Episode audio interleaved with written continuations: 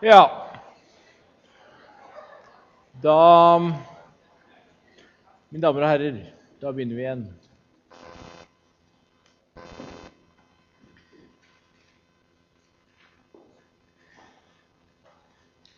Det hender ikke så rent sjelden at eh, et pantelån misligholdes. Man eh, betaler ikke sånn som man skal. Og Da har jeg tatt med et punkt som eh, heter avdragsutsettelse. Fordi det er så lett når vi er jurister, at vi kommer rasle med disse paragrafene våre med en gang. Men i praksis så er det jo sånn at hvis det først er en panthaver som er fornøyd med pantet sitt, så er det nokså kurant å få avdragsutsettelse. Så hvis dere får en klient da, som kommer gråtende inn på kontoret og sier at nå er det liksom klarer jeg ikke å betale pantegjelden min, så eh, kan dere jo på en måte si at, at egentlig det aller greieste er bare å sende et lite brev til banken og si at dessverre, dette klarer jeg ikke nå, men kan ikke jeg få litt avdragsutsettelse? Og det pleier å være helt kurant. Så man behøver jo ikke liksom eskalere alle eh, problemene. Men så hender det da at det blir riktig ille.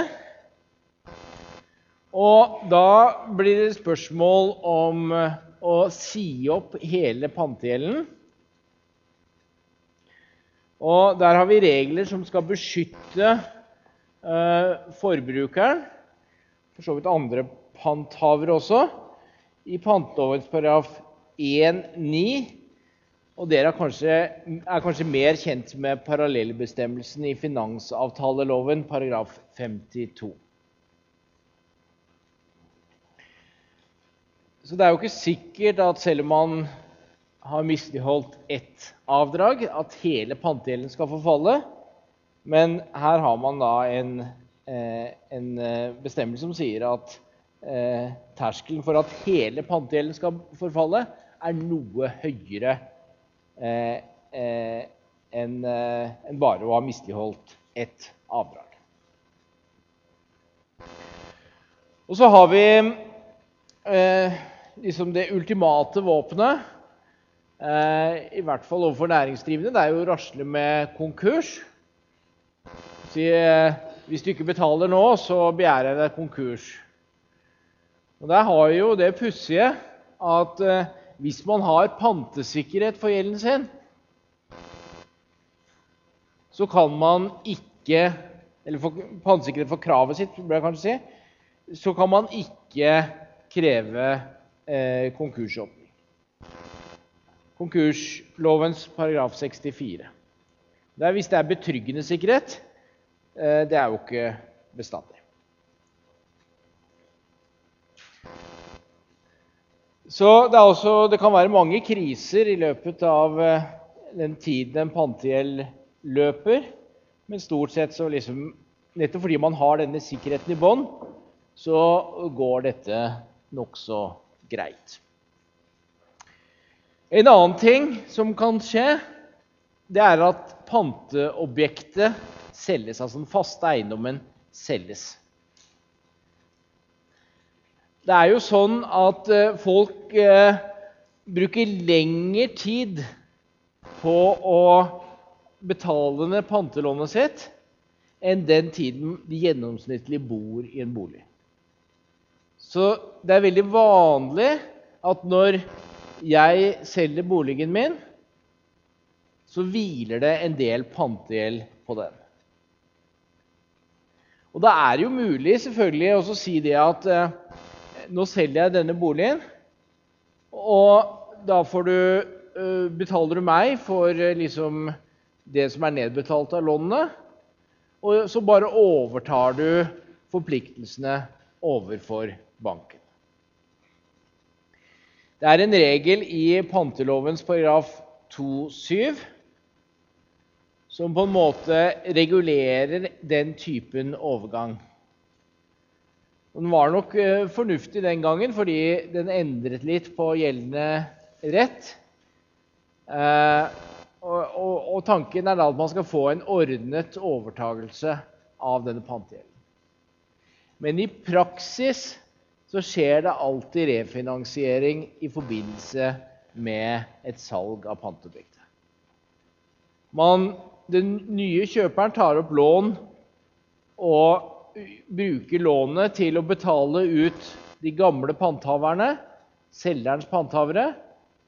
Og hvis det er noe til overs, så går det til, pant, øh, til selgeren. Pantsetteren. Så 2.7 er ikke så veldig eh, praktisk.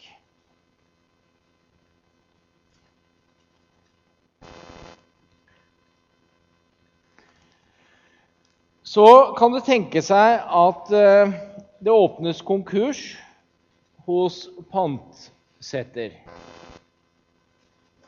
Og det er fremdeles for så vidt i sikringsstadiet. For det er ikke nødvendigvis noe krise, det for panthaver.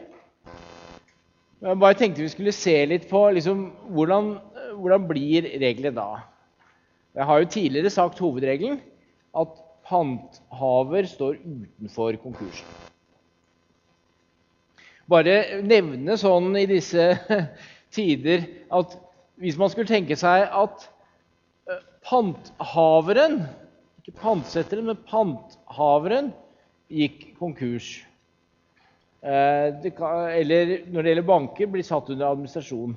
Så har jo ikke det noen slags eh, innflytelse på pantegjelden. Det er jo ikke sånn at hvis man er så uheldig å ha lån i en bank som blir satt under administrasjon, at de kan kreve inn pengene med en gang.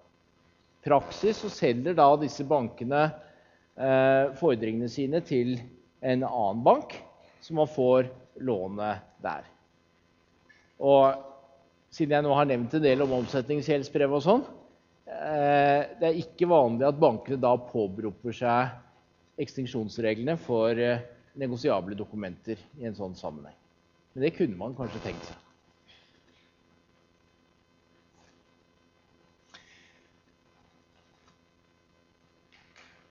Konkursboet må altså respektere eh, pantet.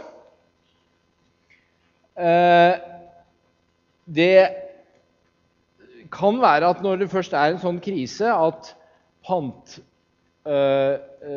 vil realisere pantet, så gå over fra sikringsstadiet til realisasjonsstadiet.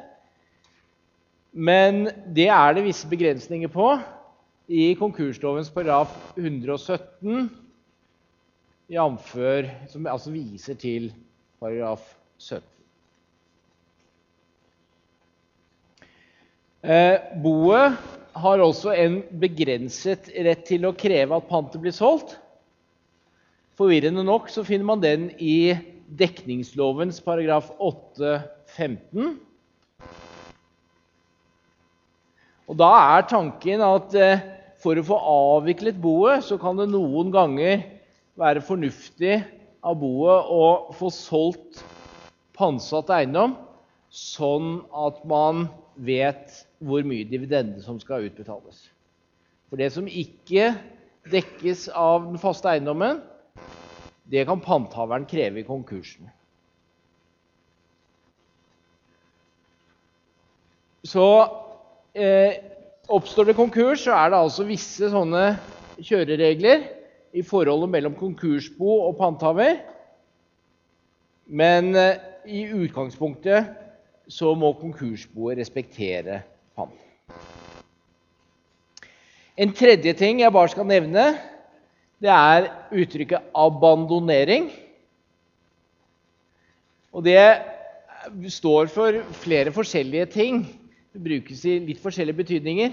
Men i praksis det det betyr, er at boet må på en måte forholde seg til en fast eiendom som er så beheftet at det er helt sikkert at boet ikke vil få noe utbytte av den. Eiendommen er, fordi boligprisene har sunket, verdt 1 million kroner. Pantegjelden er på 4,5. Og Det enhver fornuftig konkursbestyrer vil si da, er at dette er jo bare arbeid. Jeg vil ikke ha noe med denne eiendommen å gjøre. Og Hvis han da snakker i juridisk språk, så sier han at eh, ikke akkurat det, men han sier jeg abandonerer eiendom. Abandonere, som sier at den vil jeg ikke ha noe med å gjøre. Det er regler i konkurslovens paragraf 17 avfølgende om forskjellige prosedyrer der. Men poenget er altså at boet kan bli kvitt overbeheftet eh, fast eiendom og annen eiendom.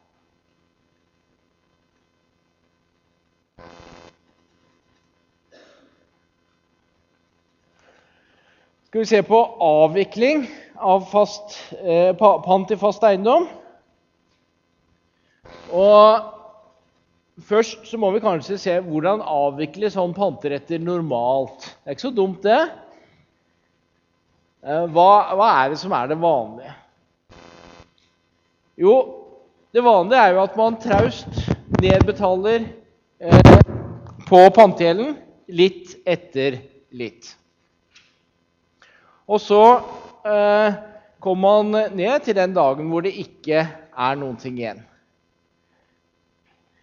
Men i hvert fall før i verden, før finanskrisen, så var det jo sånn da at når man hadde betalt så mye og gledet seg til å bli gjeldfri, så sier alltid kona 'Vi må pusse opp badet'. Eller noe sånt noe. Og da så må man kanskje Eller så går bilen i stykker eller noe sånt noe. Og så går man til banken og sier at ok, nå har vi betalt ned. Dere har sett at vi er gode betalere. Kan vi ikke nå bare låne opp dette er. Altså få tilbake noe av de pengene vi har betalt inn. Og så, så får vi litt mer eh, penger, og så kan vi kjøpe oss ny bil eller pusse opp badet eller hva det er for noe. Så opplåning er ikke noe verre enn det. Det betyr at når man har betalt ned, så får man tilbake noen av de pengene man har betalt inn, som et slags nytt lån. Og Det kan jo gjøres veldig uformelt, da, fordi man bare beholder pantedokumentet i tinglysningen akkurat sånn som det var. Og så lager man bare en ny låneavtale. I enkelte tilfeller, særlig hvis det er forutsatt fra begynnelsen av, så behøver man ikke engang å lage en ny låneavtale. Der har man bare muligheten til å trekke på kreditten så mye man vil. Så såkalt kassekreditt. Kan eh, saldoen gå opp og ned ettersom behovet er der. Men på et eller annet tidspunkt forhåpentligvis da, så kommer det siste avdraget. Og da eh, har man eh, Eh, situasjonen at man har ingen gjeld til banken. Man har fått et brev fra banken som sier at saldoen er nå null. Banken sitter på et gjeldsbrev og en pantsettelseserklæring. Og på Hønefoss så er det tinglyst eh, eh, et pantedokument. Det man da gjør, er å avlyse pantedokumentet. Man altså, det er motsatt av å tinglyse. Jeg synes Det uttrykket høres litt komisk ut, altså, for det er, liksom, det er, jo stort sett sånn idrettsarrangementer som avlyses pga. regn og sånn. Men dette sier de med, uten å trekke på smilebånd engang oppe på Hønefoss. Og eh, det eh, da må altså rettighetshaveren til dokumentet eh, be om at det blir avlyst. Jeg som pantsetter kan ikke gjøre det. Det er rettighetshaveren som må gjøre det.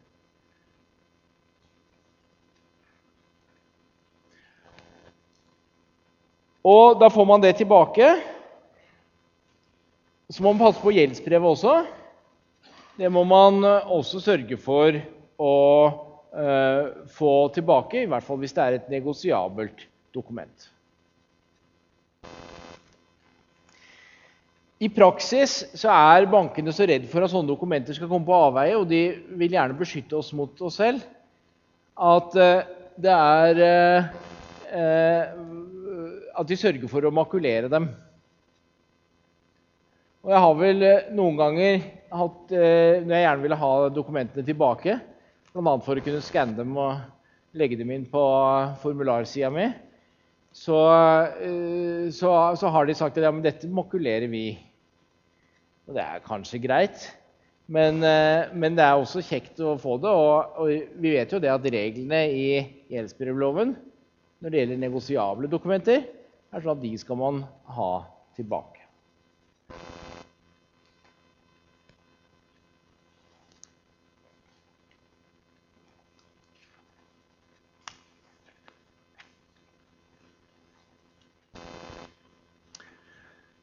Så hender det det at uh, pantsetteren ikke klarer å betale. Da skjer det et tvangssalg. Og da er det igjen sånn at vi må uh, ha et grunnlag, et tvangsgrunnlag, for det man gjør. Og har man fått dom for at eiendommen skal tvangsselges, altså det mest praktiske av de, eh, de alminnelige tvangsgrunnlagene, så det er klart at det holder. Ellers, når jeg sier at eh, reglene om tvangssalg av fast eiendom finnes i kapittel 11, da skal dere automatisk vite at ok, da finner vi de spesielle tvangsgrunnlagene i paragraf 11-2. Andre paragrafen i vedkommende kapittel. La oss slå opp den. 11-2 i tvangsloven.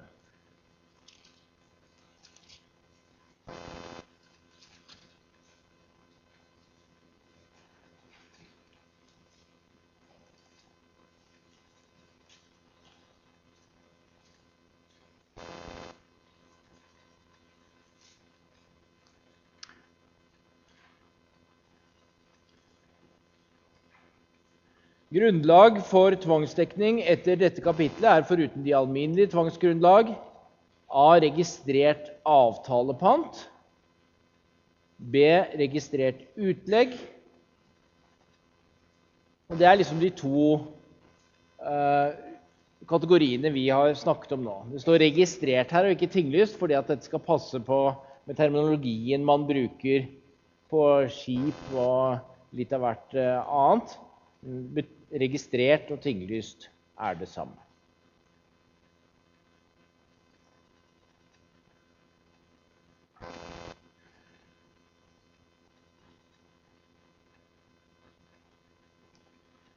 Jeg nevnte at eh, det nå er klart at registrert avtalepant omfatter pantedokumenter og gjorte panteobligasjoner. Altså, det spiller ingen rolle om det som er tinglyst, er proforma. Poenget er at det er tinglyst en panterett. Og så får man finne ut hva det reelle innholdet av denne panteretten er i løpets gang. Hvis man derimot skriver åpent at dette er en panterett for f.eks. et mulig krav, Husker dere den med bankkassereren? Han som eh, skulle stilte sikkerhet så han ikke skulle stikke av gårde med bankkassen. Hvis man har skrevet det åpent, så må man for å kunne kreve uh, tvangssalg dokumentere at det er noe krav, og hvor stort det er. Her har man altså en viss fordel av å bruke proforma. Det jeg sa nå, det følger av 11.2a. Tvangsgrunnlag er registrert avtalepant, men registrert skadesløsbrev likevel bare når kravets omfang er fastsatt ved dom eller annet tvangsgrunnlag.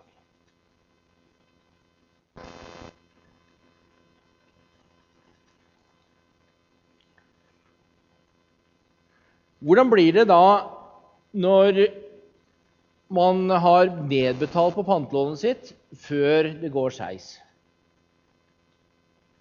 Man har altså nedbetalt til 500 000 fra 1 million. Og så kommer krisetida. Man mister jobben, klarer ikke å betale.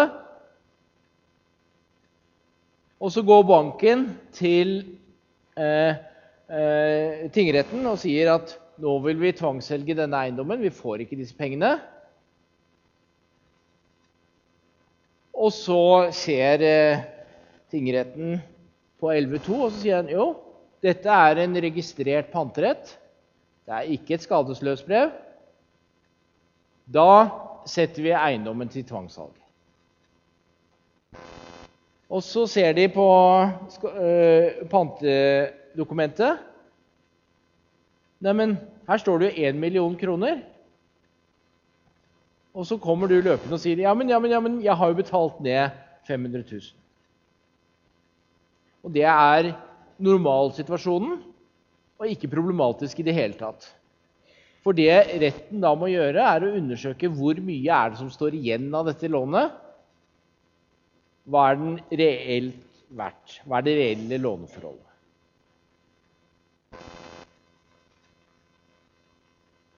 Så ser dere at selv om man i motsetning til skadesløsbrev ikke krever dom for hvor stort kravet er, så må retten likevel avgjøre det.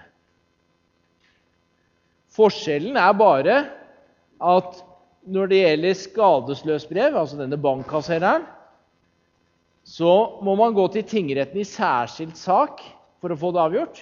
Eventuelt forliksråd eller et eller annet. Men når det gjelder eh, registrerte panteretter, så kan man avgjøre dette i forbindelse med tvangssalget. Det er tingretten som gjør det likevel. Men de har bare kanskje litt forskjellige hatter på seg.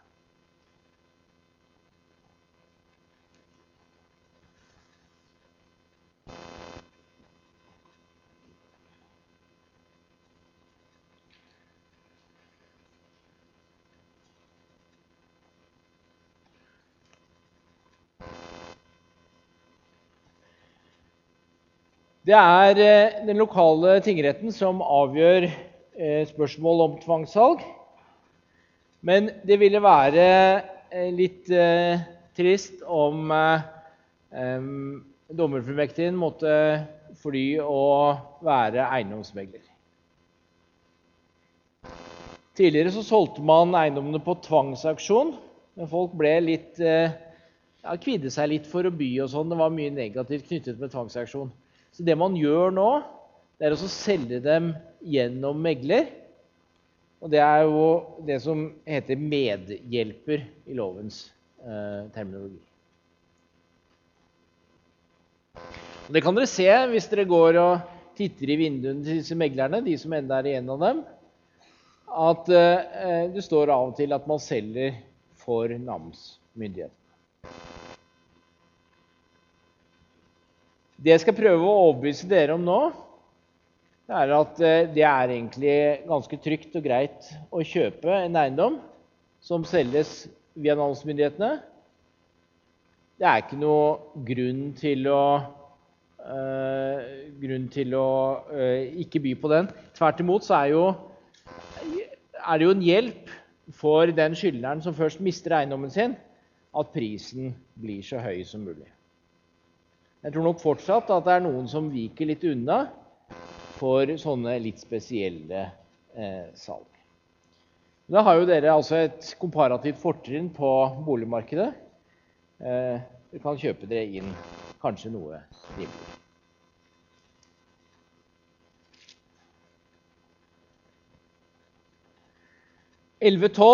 Retten avgjør på grunnlag av hva som antas å gi størst utbytte, om tvangssalget skal gjennomføres med bistand av en medhjelper etter bestemmelsen i dette kapitlet, eller om det skal gjennomføres ved en auksjon holdt av namsmyndigheten etter bestemmelsen i avsnitt romertall 3. I praksis så brukes veldig ofte en medhjelper. Og da foregår salget veldig mye på samme måten som et ordinært salg. Megleren flyr rundt og deler ut prospekter. Folk kommer på visning, og de legger inn bud eh, til megleren. Det som er litt spesielt, er jo at det hender at eh, folk som er i en økonomisk krise, de gir opp lite grann. Og hvis det blir en vannlekkasje, så gjør de ingenting med det, f.eks. Og Derfor må noen ta litt eh, vare på panteobjektet.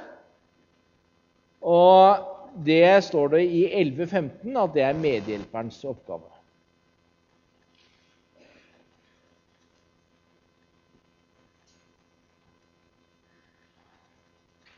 Så lages det en eh, salgsoppgave. Prospekt vil man eh, kommersielt kalt det. I 1124. Det, eiendommen averteres 1125. Og det legges inn bud. Men de skal ha noe lenger bindende virkning enn det man eh, ofte gjør i et kommersielt, vanlig kommersielt salg.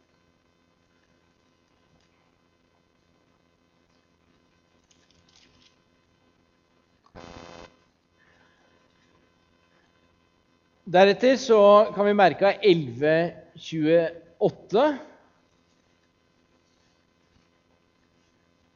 For den som er saksøker, altså eh, den som er eh, typisk panthaver, og sier at ok, dette budet her, det mener jeg skal godtas.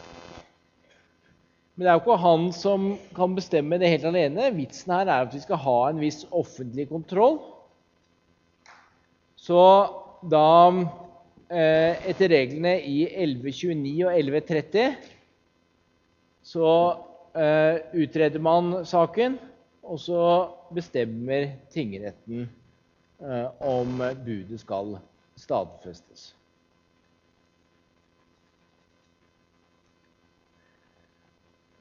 Og Så skjer det en overtagelse, 1131, og da overtar kjøperen risikoen.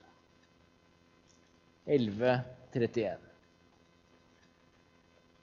Når det gjelder kjøperens innsigelser, så er disse regulert i 1139 følgende.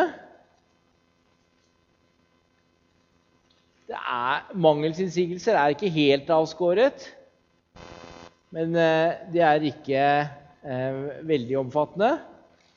Og en rettsmangel kan tenkes. Og her skjer det en avskjæring av eh, innsigelser på lignende måte som ved tinglysning av annet skjøte.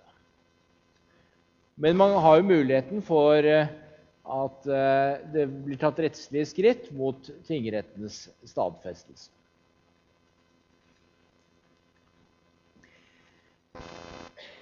I 1136 så står det om fordelingen av kjøpesummen.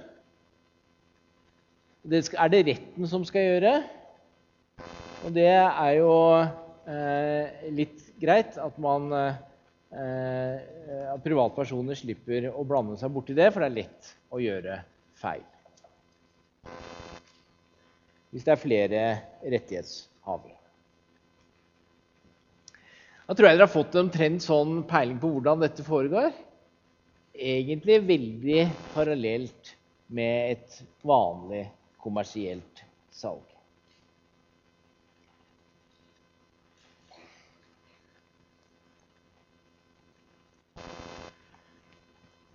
Så er det et spørsmål om eh, hvordan eh, man skal forholde seg til forskjellige panthavere. Og Da har man det som heter dekningsprinsippet i paragraf 1120.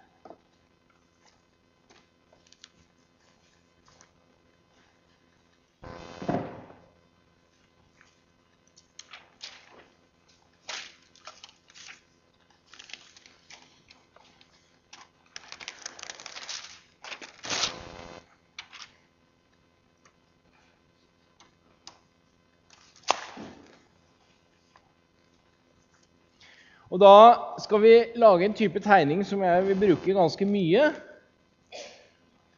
Og Her tenker jeg meg dette som et slags søylediagram, hvor null er her nede.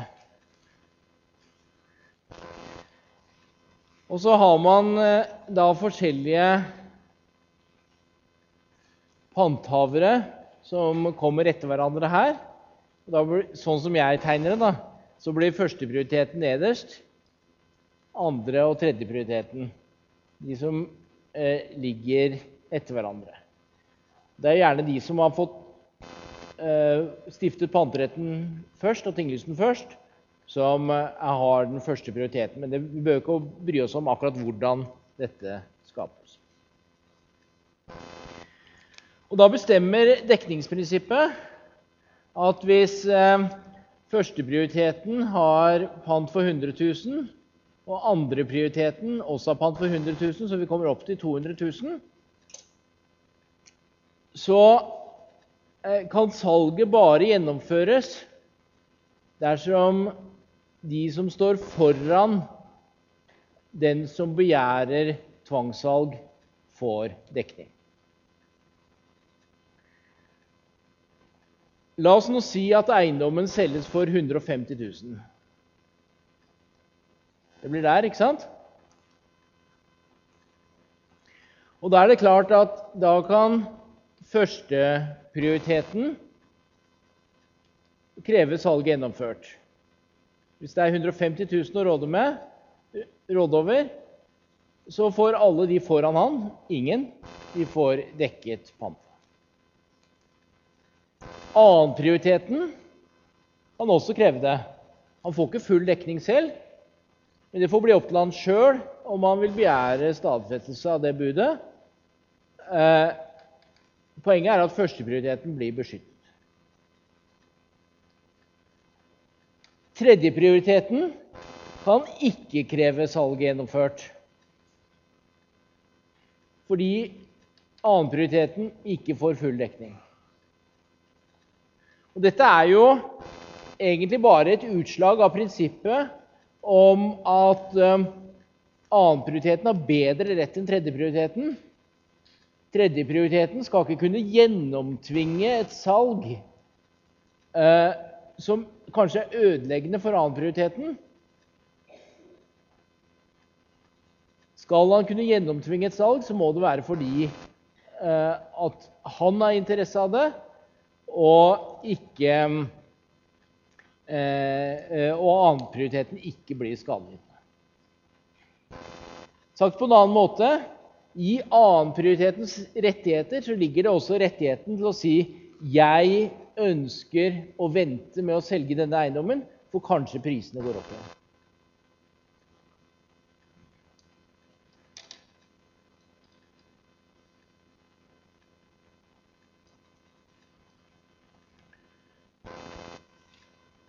Man kunne også se dette prosessuelt. Eh, det er ikke noen rettslig interesse for tredjeprioriteten å gjennomtvinge dette salget. Det er ikke noen reell interesse heller, men altså ikke noen uh, interesse for tredjeprioriteten å gjennomtvinge dette salget hvis han allikevel ikke får noe. Skal vi se om dette stemmer, det som står i loven. 11.20. Salget kan bare gjennomføres dersom alle heftelser med bedre prioritet enn saksøkerens krav blir dekket.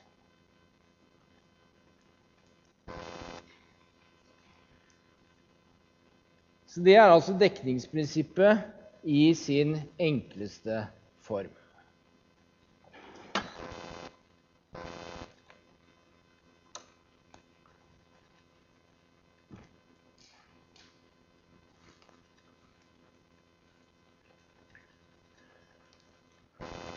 Når man da har et oppgjør, så er hovedregelen at de kravene som er eh, udekket, de som eh, eh, kjøp, kjøpesummen ikke dekket, dekker, de kravene faller bort. Man kunne tenke seg at de fortsatte å hvile på eiendommen, men da ville det være en heftelse. Så man lager på en måte en slags generaloppgjør og sier at enten så dekker kjøpesummen, eller så fjerner vi heftelsene. Man kan lage avtaler om andre ting, og det sier loven uttrykkelig. Men utgangspunktet er at udekkede krav faller bort. Så får kjøperen da et rent skjøte og overtar eiendommen.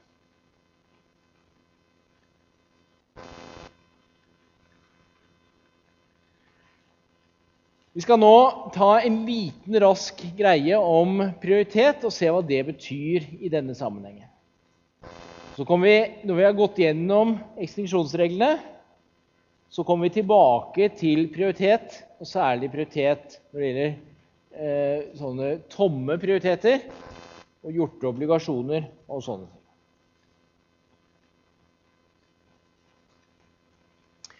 Prioriteten, som jeg nevnte, den følger eh, tinglysningstiden.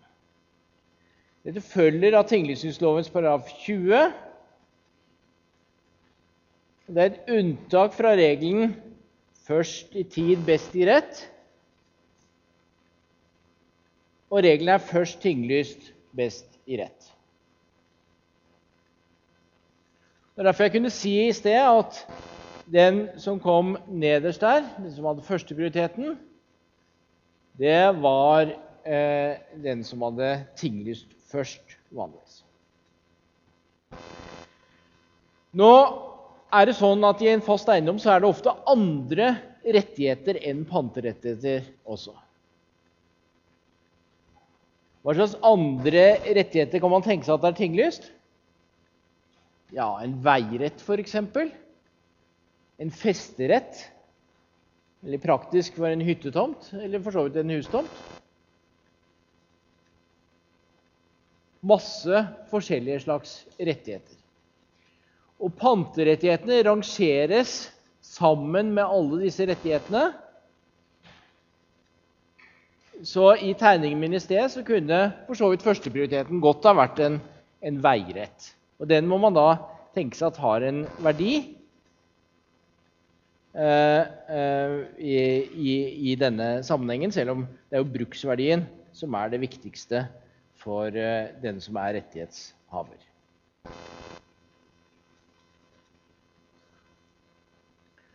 Panteretten rangeres sammen med andre heftelser. Men så har vi den spesielle regelen i eh, tvangsforbrytelse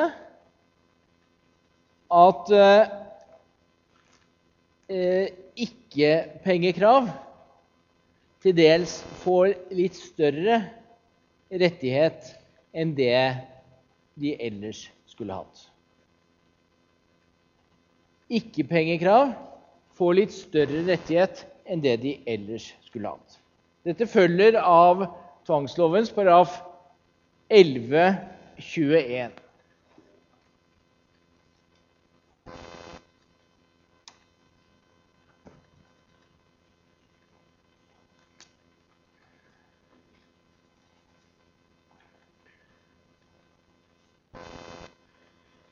Annet ledd andre heftelser enn pengeheftelser som har prioritet ved siden av eller etter saksøkerens krav, overtas av kjøperen utenfor kjøpesummen.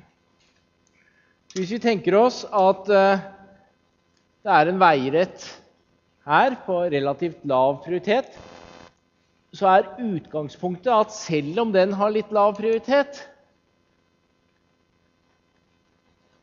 så overtas den utenfor kjøpesummen. Tankegangen er sånn Det er egentlig pengeheftelsene, panterettighetene, som, eh, som gjelder. Det er de som betyr noen ting. Og om det hefter på en veirett, det har da ingen betydning for salget. Alle eiendommer har sine greier. Og eh, selv om så, veiretten for så vidt står i en prioritetsrekkefølge, så spiller egentlig ikke det så veldig stor rolle. Men det kan jo unntaksvis tenkes at uh, den rettigheten, som er en ikke-pengeheftelse, har stor betydning. Veiretten f.eks. genererer mye støy Det er snakk om rett til å bygge et hus som tar utsikten. Et eller annet sånt noe. Og Da respekterer man prinsippet at eh, det er de etterstående rettighetene skal falle bort. Og Det man gjør da, for å slippe liksom å, uh, å, å finne ut for mye om hvor mye rettighetene er verdt, og alt mulig sånt noe, så prøver man å selge den uten rettigheten og ser om man får større pris da. Får man større pris, så tar man den. Får man ikke større pris, så blir heftelsen stående.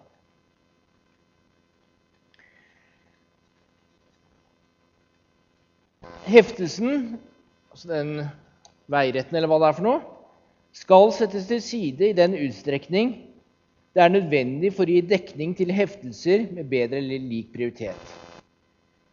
Den settes til side ved at bud stadfestes etter at det ved foreleggelsen av bud med mere for rettighetshaverne er opplyst om at heftelsen skal settes til side. Og det man da har gjort, og det er noen henvisninger her, det er også eh, i salgsvilkårene bestemme at man kan gi bud med eller uten denne heftelsen.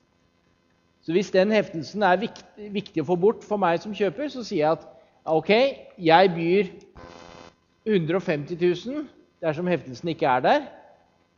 Men hvis veiretten er der, så enten så byr jeg ikke, eller så byr jeg bare 100 000. Så ikke-pengeheftelser de øh, blir beskyttet bedre enn sin prioritet dersom de i praksis ikke betyr veldig mye.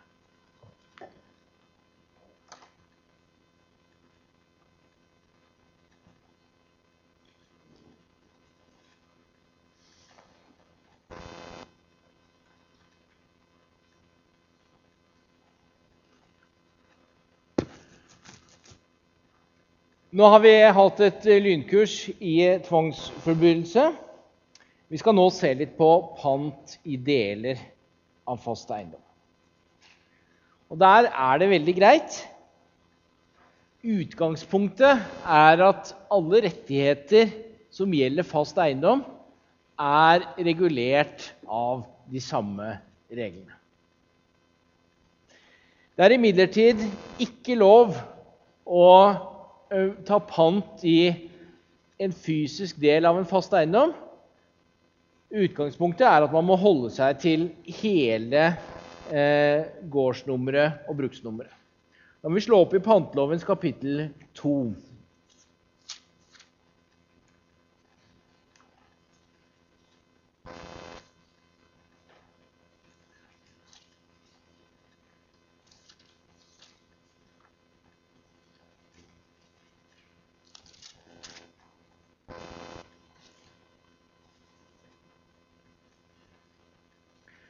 Da ser vi 2.1.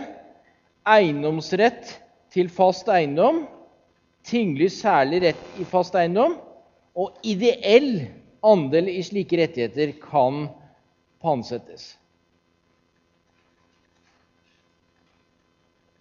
Men i 2.: fysisk del av fast eiendom eller festerett i slik del kan ikke pantsettes særskilt før vedkommende myndighet har gitt det nødvendige samtykke til fradeling eller bortfeste.